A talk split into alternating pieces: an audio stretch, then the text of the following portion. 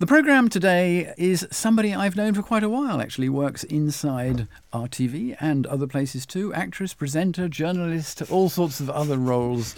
Welcome to the studio, Veronica. How do you pronounce your second name? Before I answer you that, I'm going to tell you something really funny. Uh, during my university days in UK, we had a presentation show at the end of each year and everyone was introduced by surname. So it was like Miss Edwins, Miss whatever. Yeah. And then it came to me. And the girl who was announcing us, she was like, uh, Miss, G- Miss, Miss, Miss Veronica. she right gave too. up. But so welcome, Miss Veronica. yes, it is going to be easier, but it's Jaidela. So give me a little bit of potted background. Home base, where are you? My official home is close to Celje. I am from Maribor. Maribor is my hometown, but I used to work a lot in Ljubljana and in Maribor, and I was a bit bored by driving a long distance, long distance in Slovenia measure, of course, in, in other cities that's not a long drive, but it was a long drive for me and I didn't want to rush every day from Maribor to Ljubljana and back. Mm. So we moved me and my husband to not exactly halfway, but like closer to both cities, so it's less time on the highway that's like my base. But I move around a lot. I go to film festivals. Sure. I work in Maribor. I work in Ljubljana. So yeah, it's. Like and you travel all over Europe and further afield just to do what you're doing. Pretty much, yeah. you obviously like music. You've chosen eight pieces. Was that a hard game? Oh my gosh, yes.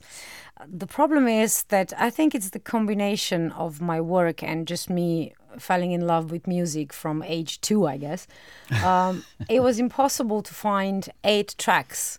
Yeah. Just eight. I would need like hours. Yeah. Because one song would remind you of another, and then I would have the first draft of the list, and then I was like, no, but I have to put this song because it was just, oh, it took me like all night, seriously. Yeah, yeah that makes perfect sense. but, but in the end, I would say this is not my top eight songs. They're all my favorites. They all have a reason why they're on the yeah. list.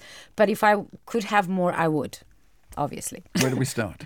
We're going to start with theater song. First of all, I want to say that Rent was my first connection with musicals on stage. I've seen it in London's West End. I was 20 at the time. And at that age, my understanding of musicals was like singing in the rain, you know, it was like the, the mm-hmm. old films. And once I've seen Rent, I was like, oh, okay, that's a whole other game. So musicals can actually be like that as well. So I fell in love with, with that genre right away. And Rent, I think it's it's a place to start. If you've never seen a musical on stage, I think Rent is a pretty good start. Seasons of Love from the musical Rent. I think when you come to theatre in general, it's really hard if you go to a live performance actually of anything, not just mm. theatre, if you go to see a band, it doesn't have to be a genre you really know a lot about, but you'll probably fall in love with it unless you have no emotion and whatever. And of course, musicals. I mean, it's such an unreal thing. You know, yeah. here are these people pretending to be somewhere on a stage in front of you, but it completely captures you, doesn't it? Yes, in both ways. I mean, I always preferred being on stage than doing like radio and TV uh, because it's just the real connection at the beginning, especially after a few years. I kind of really fell in love with radio and TV as well. But stage and, and theater was my first love. And once you experience both sides, like being on a stage and being in the audience, I don't think there's anything that can compare to it, especially the energy of, of the theater. I always joke that in theater we used to say that you know that you really love the stage, like the theater in Hull, uh, mm. uh, when you miss the dust from the curtains. You know, when you're not in the theater, there's a lot of dust, and if you miss that dust, then you obviously are you a crazy person who are in, in, love with theater. Yeah, that's kind of a saying. Yes, the, what was the old adage? Was the smell of the grease paint the roar of the crowd? Yeah, that too. However unpleasant uh, it is to wear that grease paint. no, but it, it, you kind of learn to love it. Rent is like there are a lot of great songs, but Seasons of Love for me is the one that uh, stands out for different reasons. And one of them is there's a line in there that says, you know, they sing about how do you measure a year, and then they have different examples. Mm. And one of them is like in cups of coffee. And that's how I want to measure my years because I drink a lot of coffee. I'm like caffeine addict. And that way, a year is very long, which means you have a lot of time to do okay everything you want. Time flies when you do this program, and it's amazing to me that we've hardly spoken and we're already on to yet another piece of music. But this time you take us to this region. Tell me about growing up. Well, I was in primary school when Yugoslavia fell apart. So obviously, my memories of that country are pretty idyllic because I was like eight, nine, ten years old. So, mm. you know, it's different when you're an adult. But one thing that didn't change for me as in my perception of that country, is music. I mean, songs that I heard at that time, songs that we were listening to as teenagers, even though then it was already Slovenia, but we, you know, we, we were listening mm. to Yugoslavian Yugoslavian songs as well. Those songs still stay with me, and there are a few bands who still tour even though they must be like in their 90s by now, I guess. but one of them that kind of really captures the movement of Yugoslavian rock songs that I grew up to is Prljavo kazalište, which means, okay. you know, like dirty theater. And another song that it's really in my heart and in my memory, uh, and I really want to play it, is Kiše jesenje.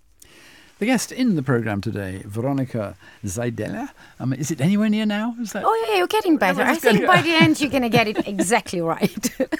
what does the K stand for?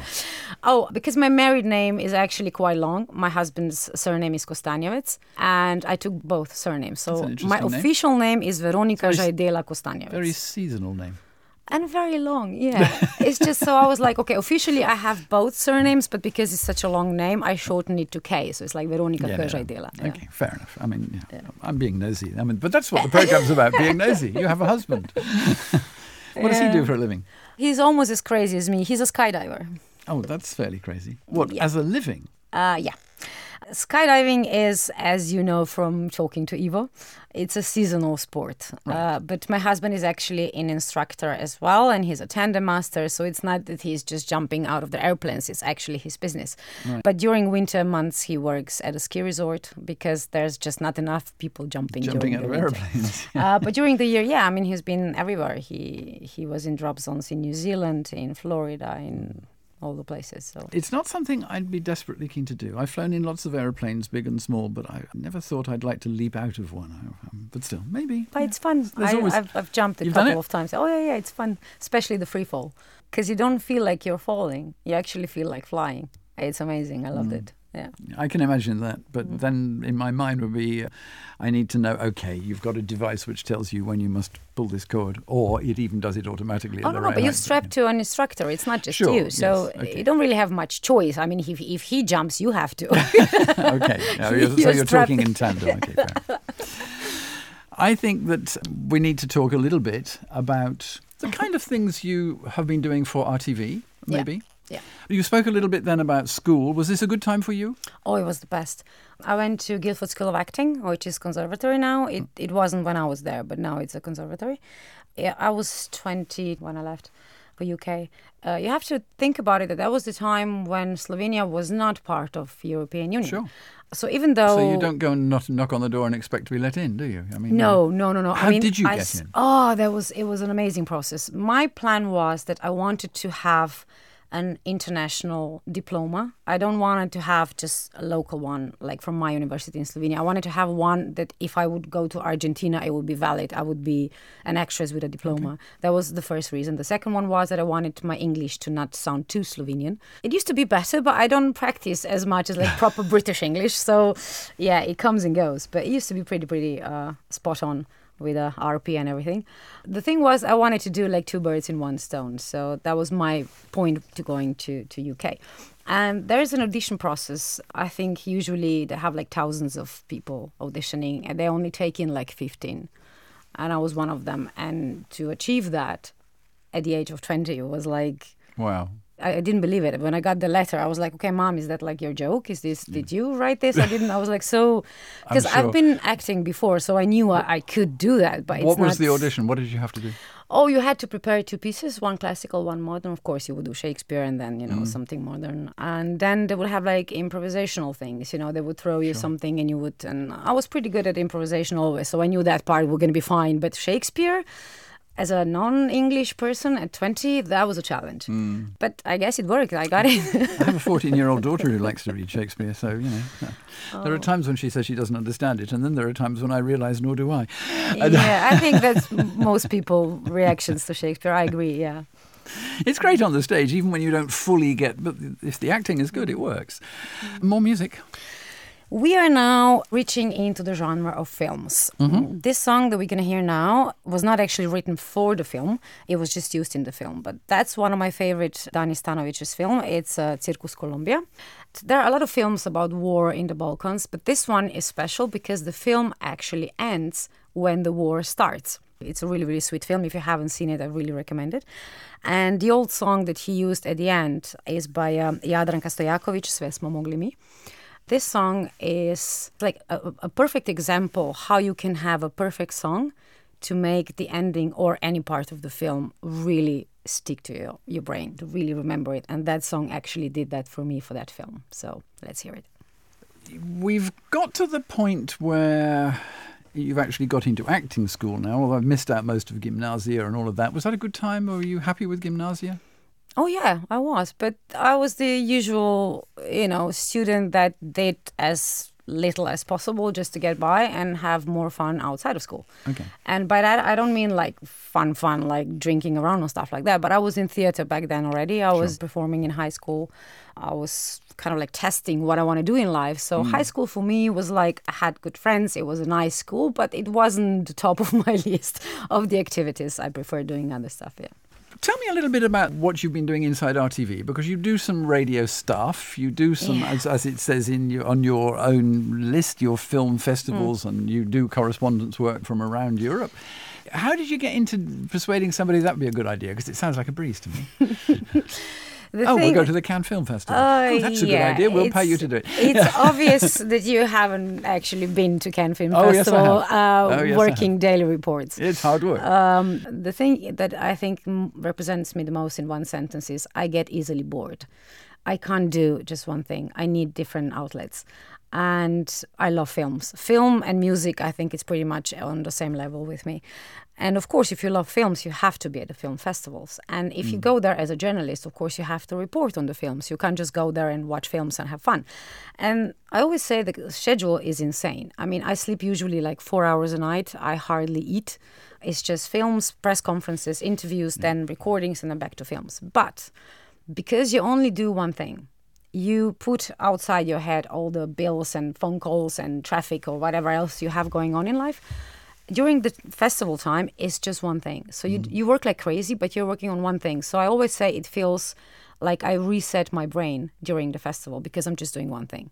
So that's why I love it. But don't get me wrong, it's crazy. Uh, Sure. But and I don't know quite it, how you managed to make enough contacts. You want to do an interview with an actor. There are 50 other people who want to do the same thing. Oh no! How it works is you get nominated by distributors. We don't usually get a lot of A-listers because the Slovenia is too small a market. So usually you would get like Russian filmmakers or European or Asian, but the important ones, but not the Hollywood A-listers, which most people want to hear. Sure.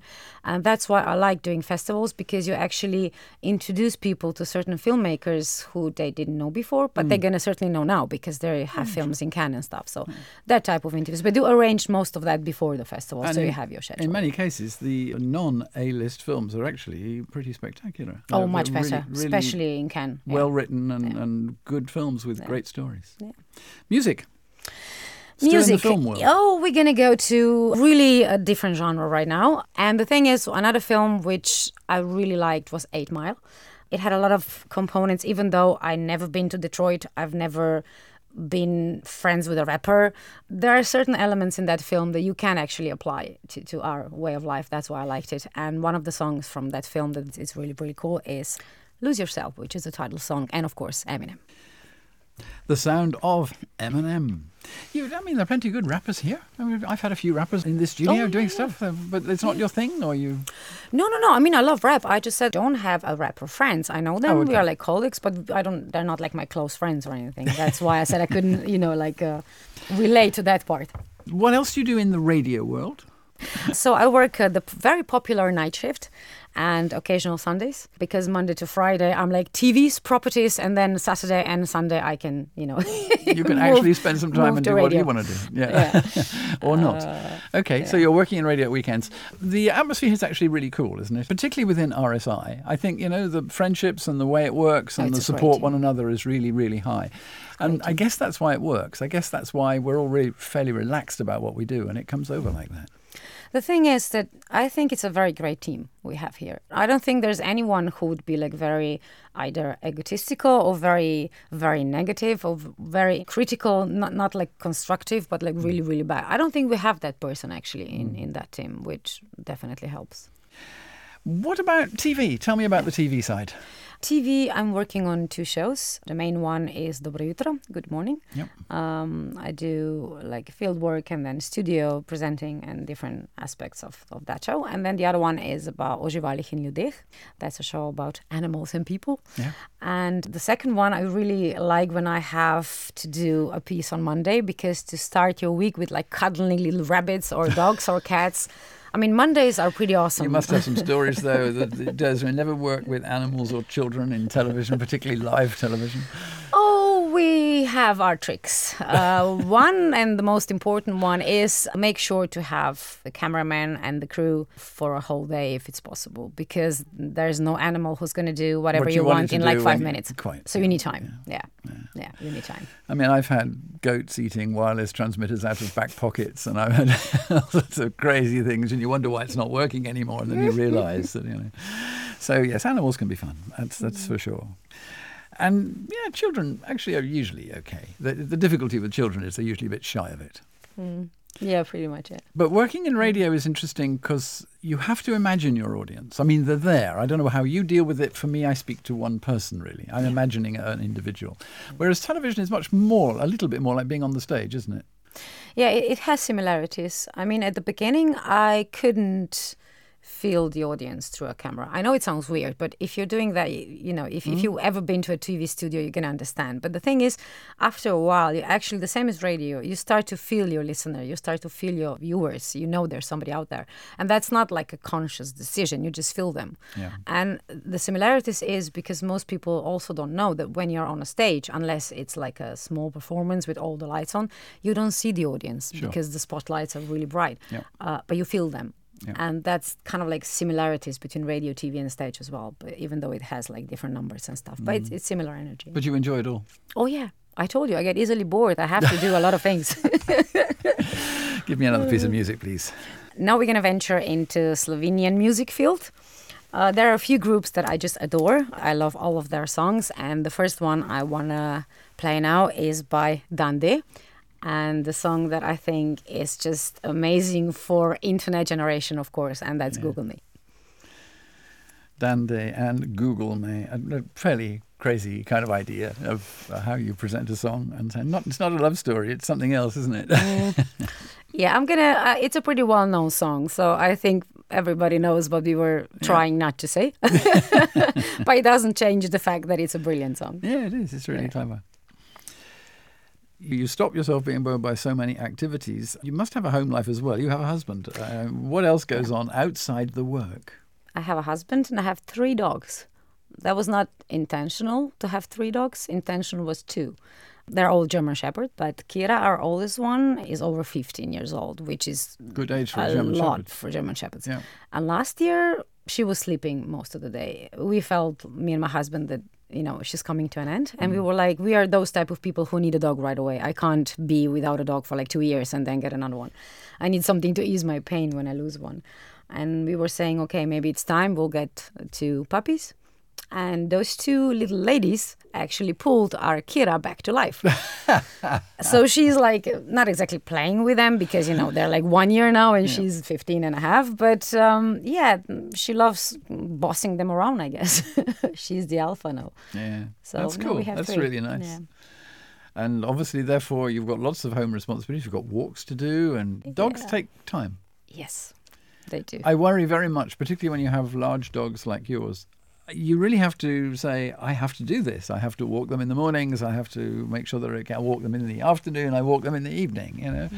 And they need to be allowed to run, don't they? They need to have space and time and yeah. so on. So you have a fair amount of garden around. Oh, yeah, yeah, yeah. We, uh, the thing is, the only thing I don't do with dogs, I've never had, and that was like my condition to my husband because I always wanted dogs but I, I, don't do morning walks because in the morning I have my coffee, then I get ready okay. and I go to work. Morning walks are like my nightmare. wife's the same; she doesn't do morning walks. That's either. why mm, we got and yeah. I mean, any other time of the day yeah. for five hours if you want to. I don't care. I love you know having mm. a long walk in, the, especially in the nature, but not mm. in the morning. So we got an old house with a lot of lot of land, and then we put a fence around it so they mm. can't run away. I think it's like 1,500 square meters or something. Mm. So we just open the back door in the morning and they go outside, do whatever they want. There are two of them, so they're playing, and yeah, then we have there's walks more than one. The I mean, we only yeah. have one at the moment, and, and yeah. I think that that means that I have to take it out more. He gets bored quite quickly. And we take them on holiday. We take him on holiday with us too, which is pretty crazy because we go yeah. sailing. We used to take two, yeah, before. Mm. Uh, this one we have now, Lou and Lee, they're still too too little. But next year we're going to take them on holidays, yes. Mm. So we are traveling around Europe with two German Shepherds. If you see us, yes, what, we are crazy, but we love it. What do you drive? you have some sort of horse box size yes. vehicle. Actually, we divided cars because I like a sports car, not like the real sports car because yeah, I can't yeah. afford it. But I have like Scirocco, which is you know yeah. nice car, and my husband has a Volkswagen Transporter, which is oh, like okay. a yeah. Oh, so he has a big car for traveling with dogs, and I have a my mm-hmm. car for driving to work and stuff like that. Makes perfect sense. Yeah. And music number six. And this one is an older song, but it's like my, I can say mantra, I guess, especially after a night shift because it, it sings about, you know, like sleeping all day and things like that. And it's, yeah. uh, it always wakes me up. I have it on my iPod, and when I'm uh, leaving the night shift at 6 a.m., driving home for half an hour, I always put that song on like full volume, and I'm screaming so loud that I'm very grateful for the good windows, so you know whoever is driving past me can hear me. So now we're gonna hear Posodi mi jurja and Ugasnite Luci. We come to the third and final part of my program with Veronica Zajdela. Yes. I, I think that. thank you for that. I think what I'd love to know is where you feel you are in terms of you spend a lot of time outside Slovenia, you travel, you work mostly here, but you're traveling as part of your work. Where is Slovenia? What do you like about it, and what do you go to find that isn't here when you travel? Yeah. I think that kind of goes into I always believed you never stop learning. You always, you know, I know it's like a cliche, but it's true. I always want new experience. I want to uh, see different parts of the world. And I think it's not so much that I would go look for something that I don't have in Slovenia. It's just I want to see what's different. Mm-hmm. Like that was the main reason why we went to Uganda uh, a few years ago. Because it's like the heart of Africa. You know, if you want something that's not Slovenia, I'm pretty sure that's it. I guess you didn't take the dog. No, not that part, no. But Tell me the, about Uganda. Yeah, that was a crazy holiday that was uh, quite a few years ago when the African Spring was starting. We actually got the last flight out of Cairo. And when we were in the air, the pilot actually said, "Yeah, we we we took off, and then the airport is closed." So we were like really lucky that time. But I was really surprised by Uganda. I was expecting, you know, the usual stereotypes about Africa, and I don't mean like Egypt because that's completely different than mm. like you know, lower parts of Africa. But when I was there, they described it to me as like a stressless Europe and in pretty many ways it actually is. I mean yeah sure. I mean there are certain like roads are you know crap and it takes a whole day to travel 100 kilometers. But people were so nice and so welcoming and the food was amazing and the, the places we've seen i mean and it's right on the equator you know and so the temperature is consistent. Yeah and there are like really bizarre things you see you know i mean in kampala which is like the capital they have swimming pools, you know, like the rich people that have swimming pools. And then you go 20 kilometers outside and people carry water with these big tanks and they don't have a water to drink. So the differences between rich and poor is even bigger there than it is in Europe. I started to appreciate little things. I know, again, a lot of people say this when they go to, let's say, less privileged countries. But yeah, they remind you because we sometimes forget. You have like a mobile phone, you have a car, you do things and then you go there and then you realize that waking up in like a straw hut on a lake with like probably crocodiles or something, I don't know, swimming down. is like, okay, that's a nice view. I can enjoy it for a week. But after that, I kind of like, yeah, I need my phone. But for me, uh, it's about finding those people that you just mentioned, the poor Yeah. people who have absolutely nothing, and their Mm. generosity to you. yeah. That's the remarkable bit, you know? They said one thing that stuck with me very much. They said, like, I don't need anything. That was their saying. Like, I have enough money to buy food, to go for occasional drinks sometimes. I have roof over my head and I have my health. That's all I need.